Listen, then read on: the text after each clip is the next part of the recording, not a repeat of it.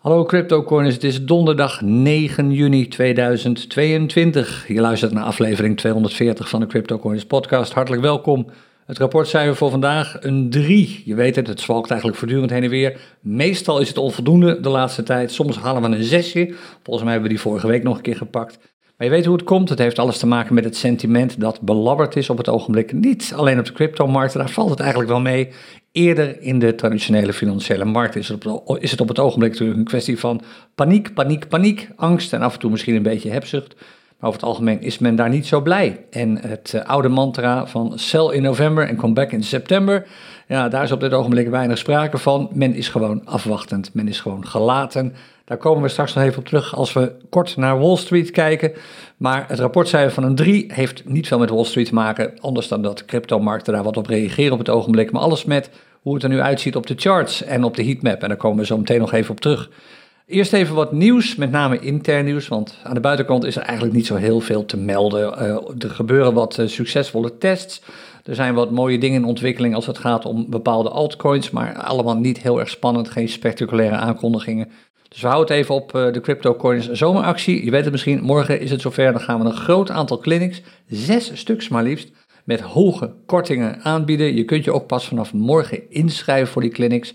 Er staat inmiddels al veel meer informatie op de zomeractiepagina www.cryptocoins.nl slash zomeractie. En als je een priority pass hebt aangevraagd, dat kan nu niet meer, maar als je er eentje hebt, dan heb je als het goed is nu een mailtje ontvangen vanochtend met daarin nog wat meer informatie. Heb je dat mailtje niet gehad, dan wil je even heel goed in je spambox kijken, want als je dat mailtje van vandaag niet hebt gekregen, dan krijg je morgen ook geen mailtjes met aanbiedingen. En dan mis je misschien net die clinic of net dat scanneraanbod waar je eigenlijk op zit te wachten. En nog één ding, er komen al wat meldingen in onze Telegram groep dat de CryptoCoiners website op dit ogenblik heel langzaam is.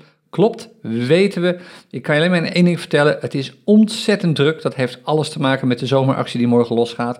Als je een priority pass hebt, zul je daar morgen minder last van hebben, omdat je dan eigenlijk rechtstreeks naar de aanbieding zelf wordt gestuurd, die op een ander platform staat. Maar als je het moet doen met de CryptoCoins.nl website, dan wil ik je gewoon vragen, blijf het proberen. We weten dat er ongelooflijk veel uh, load, zoals het heet, op die website ligt en we zijn een update van de server aan het plannen om, te zorgen, om ervoor te zorgen dat in de toekomst uh, weer snel genoeg is. Dat even wat de zomeractie betreft. Uh, meer info daarover krijg je natuurlijk in de mail als je een Priority Pass hebt. En anders lees je daar morgen alles over, ook op Telegram bijvoorbeeld. En natuurlijk op de website. Voordat we naar de charts gaan, eerst even een vraag. Die kwam binnen van Dennis. En Dennis zei, kun je eens aangeven bij het daytraden, voor de zekerheid als je niet aan het daytraden bent... Of als je niet gebruik maakt van de cryptocurrency strategie om te daytraden of te swingtraden, dan kan ik me voorstellen dat een aantal van de termen in de vraag van Dennis je niet al te veel zeggen. Paar minuutjes geduld, we zijn er zo mee klaar. Uh, de vraag van Dennis is: kun je eens aangeven wat belangrijker is? Kijk je naast een aantal andere, andere indicators eerst naar de stochastic oscillator om het keerpunt tussen overbought of oversold te bepalen, of kijk je juist naar de RSI? Het is mij wel eens gebeurd dat ik toch instap op basis van de gegevens bij de stochastic oscillator, maar de RSI uiteindelijk toch nog verder daalt uh, naar bijvoorbeeld 23. Uh, Dennis, het antwoord is eigenlijk heel eenvoudig. Um, wij kiezen bij de, we hebben gekozen bij de CryptoCoins Day Trading Strategie voor indicators in vier categorieën. De belangrijkste vier categorieën. En dat zijn volume, trend, momentum en volatiliteit. Niet in een bepaalde volgorde. Als je de volgorde zou willen weten, dan is het eigenlijk volume gaat voor momentum, momentum gaat voor trend en trend gaat eigenlijk voor volatiliteit. Maar je hebt in elk van die categorieën, naar onze mening, één indicator nodig. Meer indicators heeft eigenlijk geen zin, want het is een beetje hetzelfde als twee navigatiesystemen in je auto zetten en dan ergens naartoe rijden. Nou, die dingen krijgen echt wel ruzie met elkaar. Dat is bij indicators ook zo. Het is heel, je kunt zeggen, weet je wat, ik maak mijn trades nog wat veiliger, dus ik zet er gewoon nog een extra momentum indicator bij en misschien nog eentje. En pas als ze allemaal een signaal afgeven, dan stap ik in.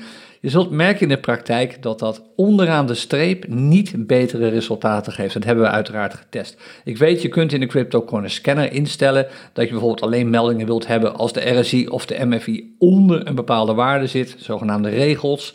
Maar als je dat niet doet, zul je merken dat het eigenlijk niet veel onderscheid uitmaakt. Een, wel een belangrijk ding dat een steeds grotere rol begint te spelen natuurlijk in het huidige marktsentiment dat gewoon beroerd is, is kijken naar de overall trend. En misschien wel kijken naar dingen als support en resistance.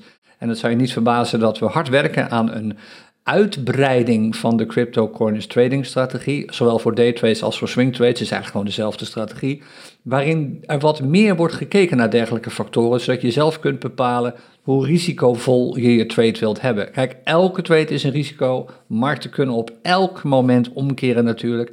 Maar we hebben nu wat voorzichtige tests gedaan met die nieuwe strategie. En daar blijkt toch wel dat met name beginnende traders daar eigenlijk betere resultaten mee halen. Je weet het, nooit een garantie, maar de resultaten zien er gewoon beter uit dan als we puur en kaal alleen maar met de cryptocurrency strategie werken op basis van die vier indicators. Nou, we willen dat natuurlijk zo makkelijk mogelijk maken, vandaar dat we werken aan een systeem, een soort stappenplan dat je makkelijk kunt volgen, ook als je nog niet zoveel trading ervaring hebt. Daar hebben we nog wat tijd voor nodig, maar eerder hoor je er van alles over. En je zult op korte termijn in de scanner, de CryptoCoiner scanner, zelfs al wat dingen daarover terugvinden. Wat extra meldingen bij je meldingen, om maar zo te zeggen. Daar zie je binnenkort eh, van alles over. Dennis, bedankt voor je vraag. We gaan naar de charts. En als je meekijkt op YouTube, dan zie je hem, de dagchart, Bitcoin versus de dollar. Oh, heel even, als je had verwacht dat we nu de um, Binance Gridpot even zouden behandelen. Ik heb toch besloten om dat gewoon even een weekje op te schrijven. Hij staat trouwens nu in de min, daar is uh, absoluut geen twijfel over mogelijk. Heeft alles te maken met de dip van BNB, naar aanleiding van het onderzoek dat is aangekondigd door de Amerikaanse financiële waakhond, de SEC. Eh, ik heb daar eergisteren al even wat over verteld. En ik heb helaas onverwacht toch wat weinig tijd voor deze podcastaflevering omdat ik me zometeen uitgebreid bezig gehouden met de zomeractie, de, het opzetten van alle data en zo, dat soort dingen. Dus vandaar, we schuiven de gridbot behandeling even door naar aanstaande maandag. Schuiven dus gewoon een weekje op. Ik ben heel benieuwd hoe de charts er dan uitzien overigens. Dus vandaag blijft het gewoon bij het klassieke model. De charts, de dagchart van Bitcoin, die zie je dus nu voor je. Bitcoin versus de dollar. En nou, we zijn er gelukkig vrij snel klaar mee voor vandaag, want er is gewoon helemaal niks veranderd. We zijn eigenlijk op dezelfde plek uh, qua beweging als waar we in zo'n beetje heel mei zijn geweest. Met één verschil. De prijzen zijn wat meer volatiel, zou je kunnen zeggen. Niet altijd, maar de afgelopen twee dagen volgens we niet. Maar daarvoor, als je bijvoorbeeld kijkt naar 7 juni, ging de prijs behoorlijk heen en weer. En eigenlijk zie je ondanks dat steeds dezelfde prijsbewegingen die je ook in mei hebt gezien. Uh, aan de onderkant zit het op ongeveer 28.000 dollar. Aan de bovenkant zit het op ongeveer 32.000 dollar. Op dit ogenblik zelfs minder, 31.500. Het kachelt lekker heen en weer. Een range wordt het ook wel genoemd. Een bereik waar je mooi in kunt handelen. En dat zou je dus kunnen doen. Je zou mooie trades kunnen maken telkens als de prijs weer wat daalt van Bitcoin. Uiteraard zet je altijd een stop los om te voorkomen dat je eh, uiteindelijk in een zware verliestrade belandt. Dat wil je niet. Maar er is best makkelijk te traden op deze trading ranges, want je ziet ze ook terug op andere intervallen. Daar kom ik zo meteen even op terug. Een zijwaartse beweging dus. Het enige dat is veranderd, maar dat was ook wel te verwachten na de, de dump die we eerder deze week zagen, na de BNB-onderzoekaankondiging van uh, de eh, SEC, is uh, dat we natuurlijk een negatieve OBV hebben. De Unbalanced Volume Indicator daalt wat op dit ogenblik. Dus dat betekent dat eigenlijk de candles rood worden en er wel volume in de markt zit. Dat verklaart die naar beneden lopende OBV-lijn op dit ogenblik. Verder op deze chart helemaal niks veranderd. Parabolic stop en reverse is nog steeds bullish. Ik kan uren naar deze chart kijken, maar ik kan je verder geen verhaal hierover geven. Anders dan zitten in een zijwaartse beweging. Gewoon afwachten wat de markt gaat doen. Ontstaan ook niet echt driehoeken. Een hele lichte driehoek zou je kunnen zien als je kijkt naar de piek waar we nu op zitten. En je kijkt naar de onderkant. Je zou misschien een schuine lijn naar boven kunnen trekken, maar het zijn eerder schijnbewegingen op het ogenblik. De markten zijn gewoon afwachtend en reageren nogmaals heel panisch en heel manisch misschien wel op Goed nieuws, dat het niet zo vaak is. En slecht nieuws, of geruchten van slecht nieuws, dat het regelmatig is.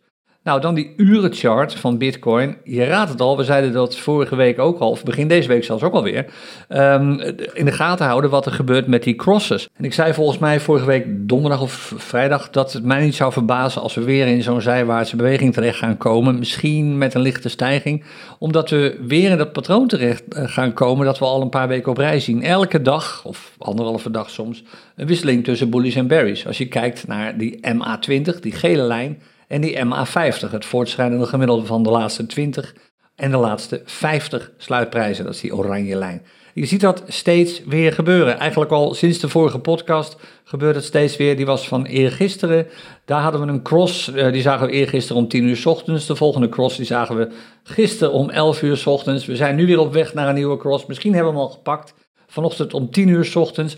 Het lijkt wel clockwork. Elke dag keert het sentiment of keert de trend volgens de MA20 en MA50 om.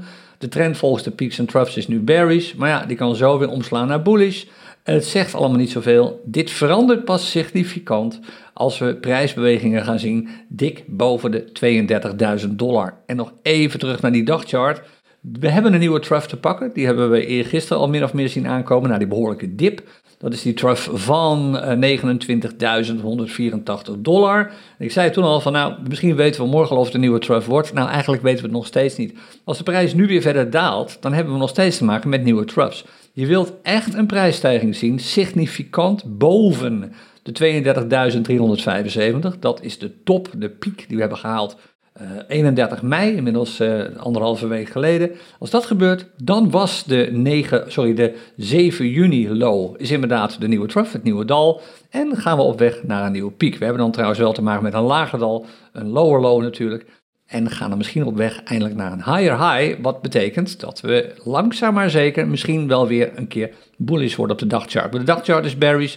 De urenchart wisselt heen en weer tussen bullish en bearish. Dat, is op dit moment geen pijl op te trekken.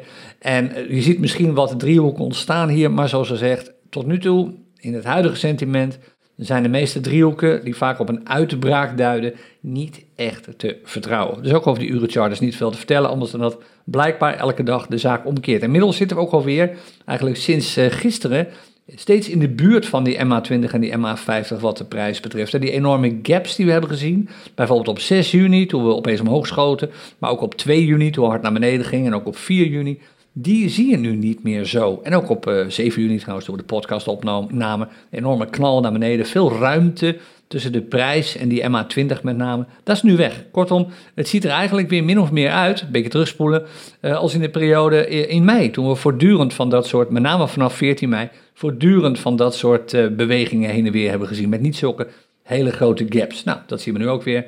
Uh, de, de volatiliteit neemt dus op dit ogenblik van uur tot uur een beetje af. Het wachten is echt op een hoop volume en dan kijken wat de prijs met dat volume doet. Wordt het weer een crash of wordt het een enorme stijging opeens? Kan zomaar gebeuren. Je weet hoe snel het kan gaan.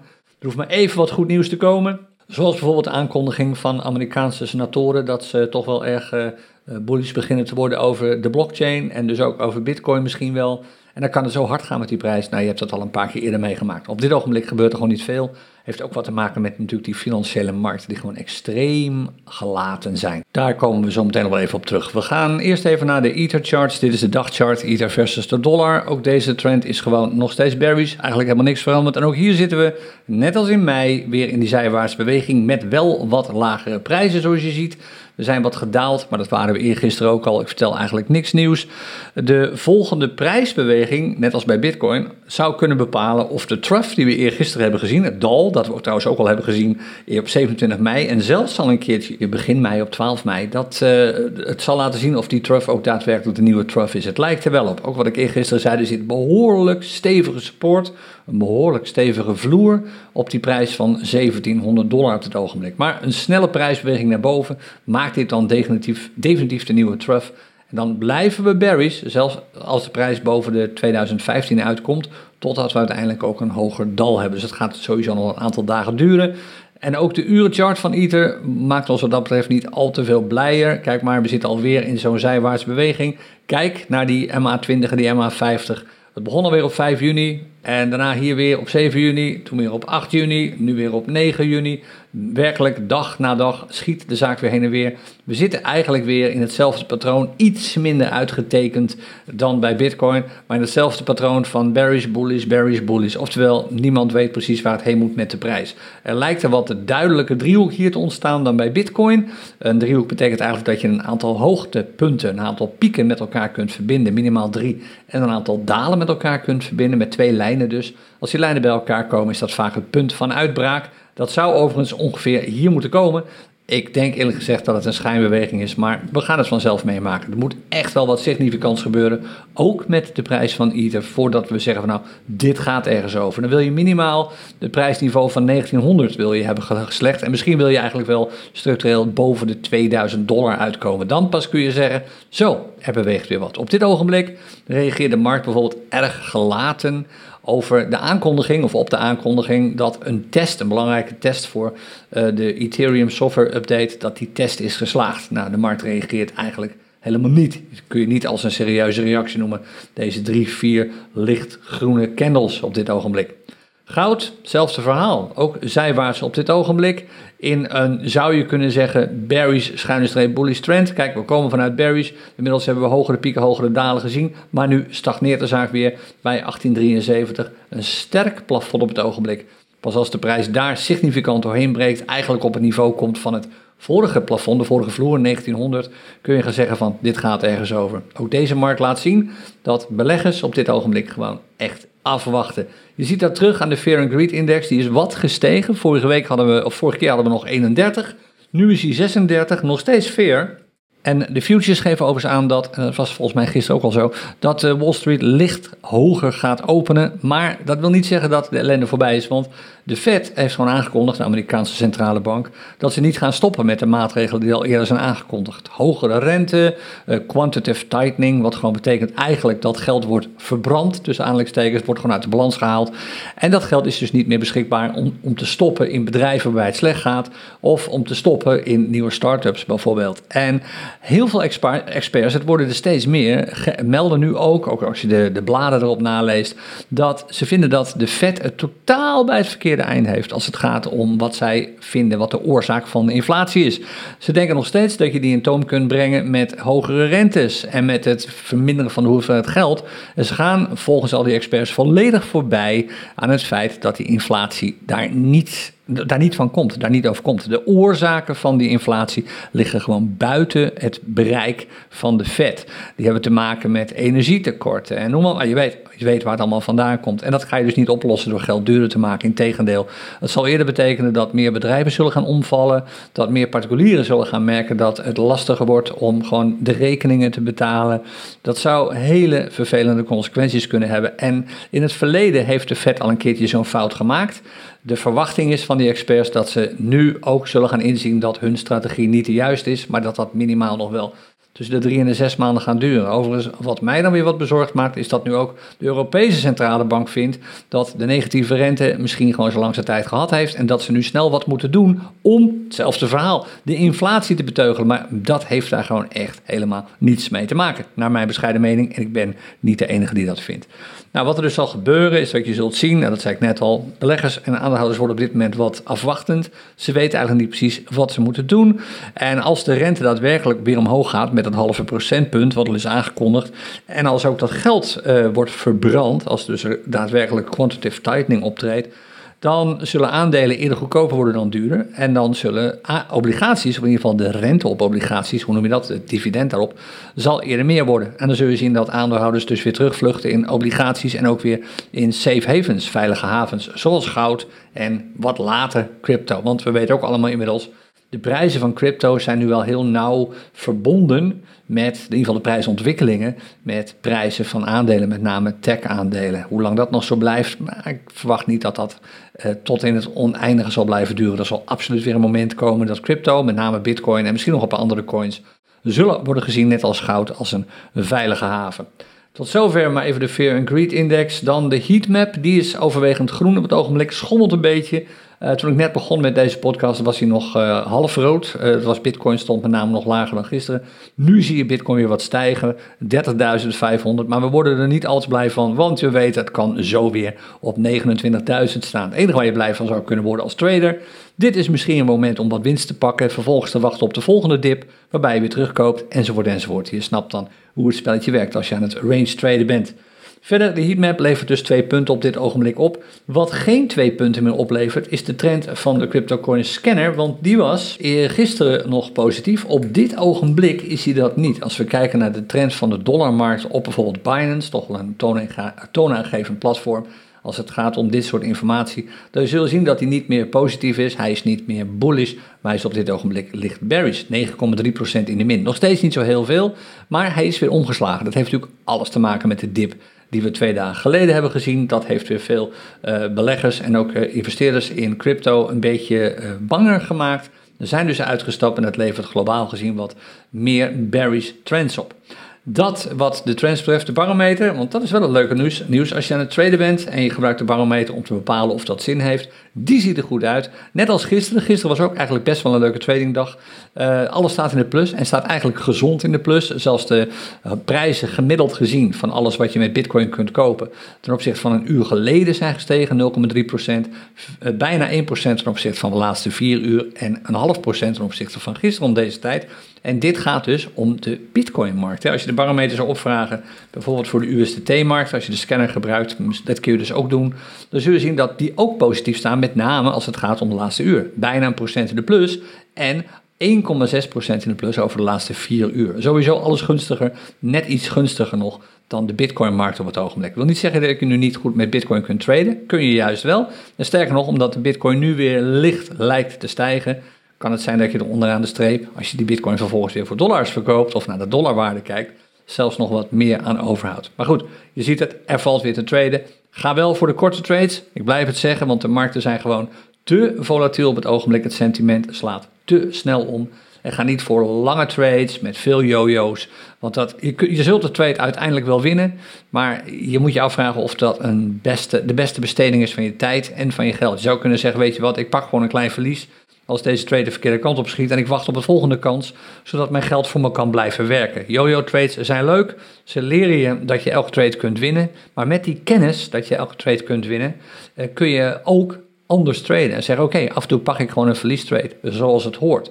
Het um, is trouwens een onderwerp dat ter sprake komt in de live clinic die ik eerdaags weer geef. Zeker traden met bitcoin. Nou goed, meer daarover vind je op onze zomeractiepagina. We zijn uh, klaar voor nu. Ik uh, spreek je sowieso uiterlijk maandag weer met een nieuwe aflevering van de CryptoCoins podcast. En als er tussendoor nog wat heel interessants gebeurt, dan maak ik natuurlijk ook even snel een podcastaflevering. En anders spreek je morgen ongetwijfeld wel in een van onze Telegram groepen tijdens de CryptoCoins zomeractie. Veel plezier daarmee. Alvast veel plezier met de kortingen die je daaruit kunt slepen. Die zijn niet misselijk. En tot maandag. Happy trading. Dag.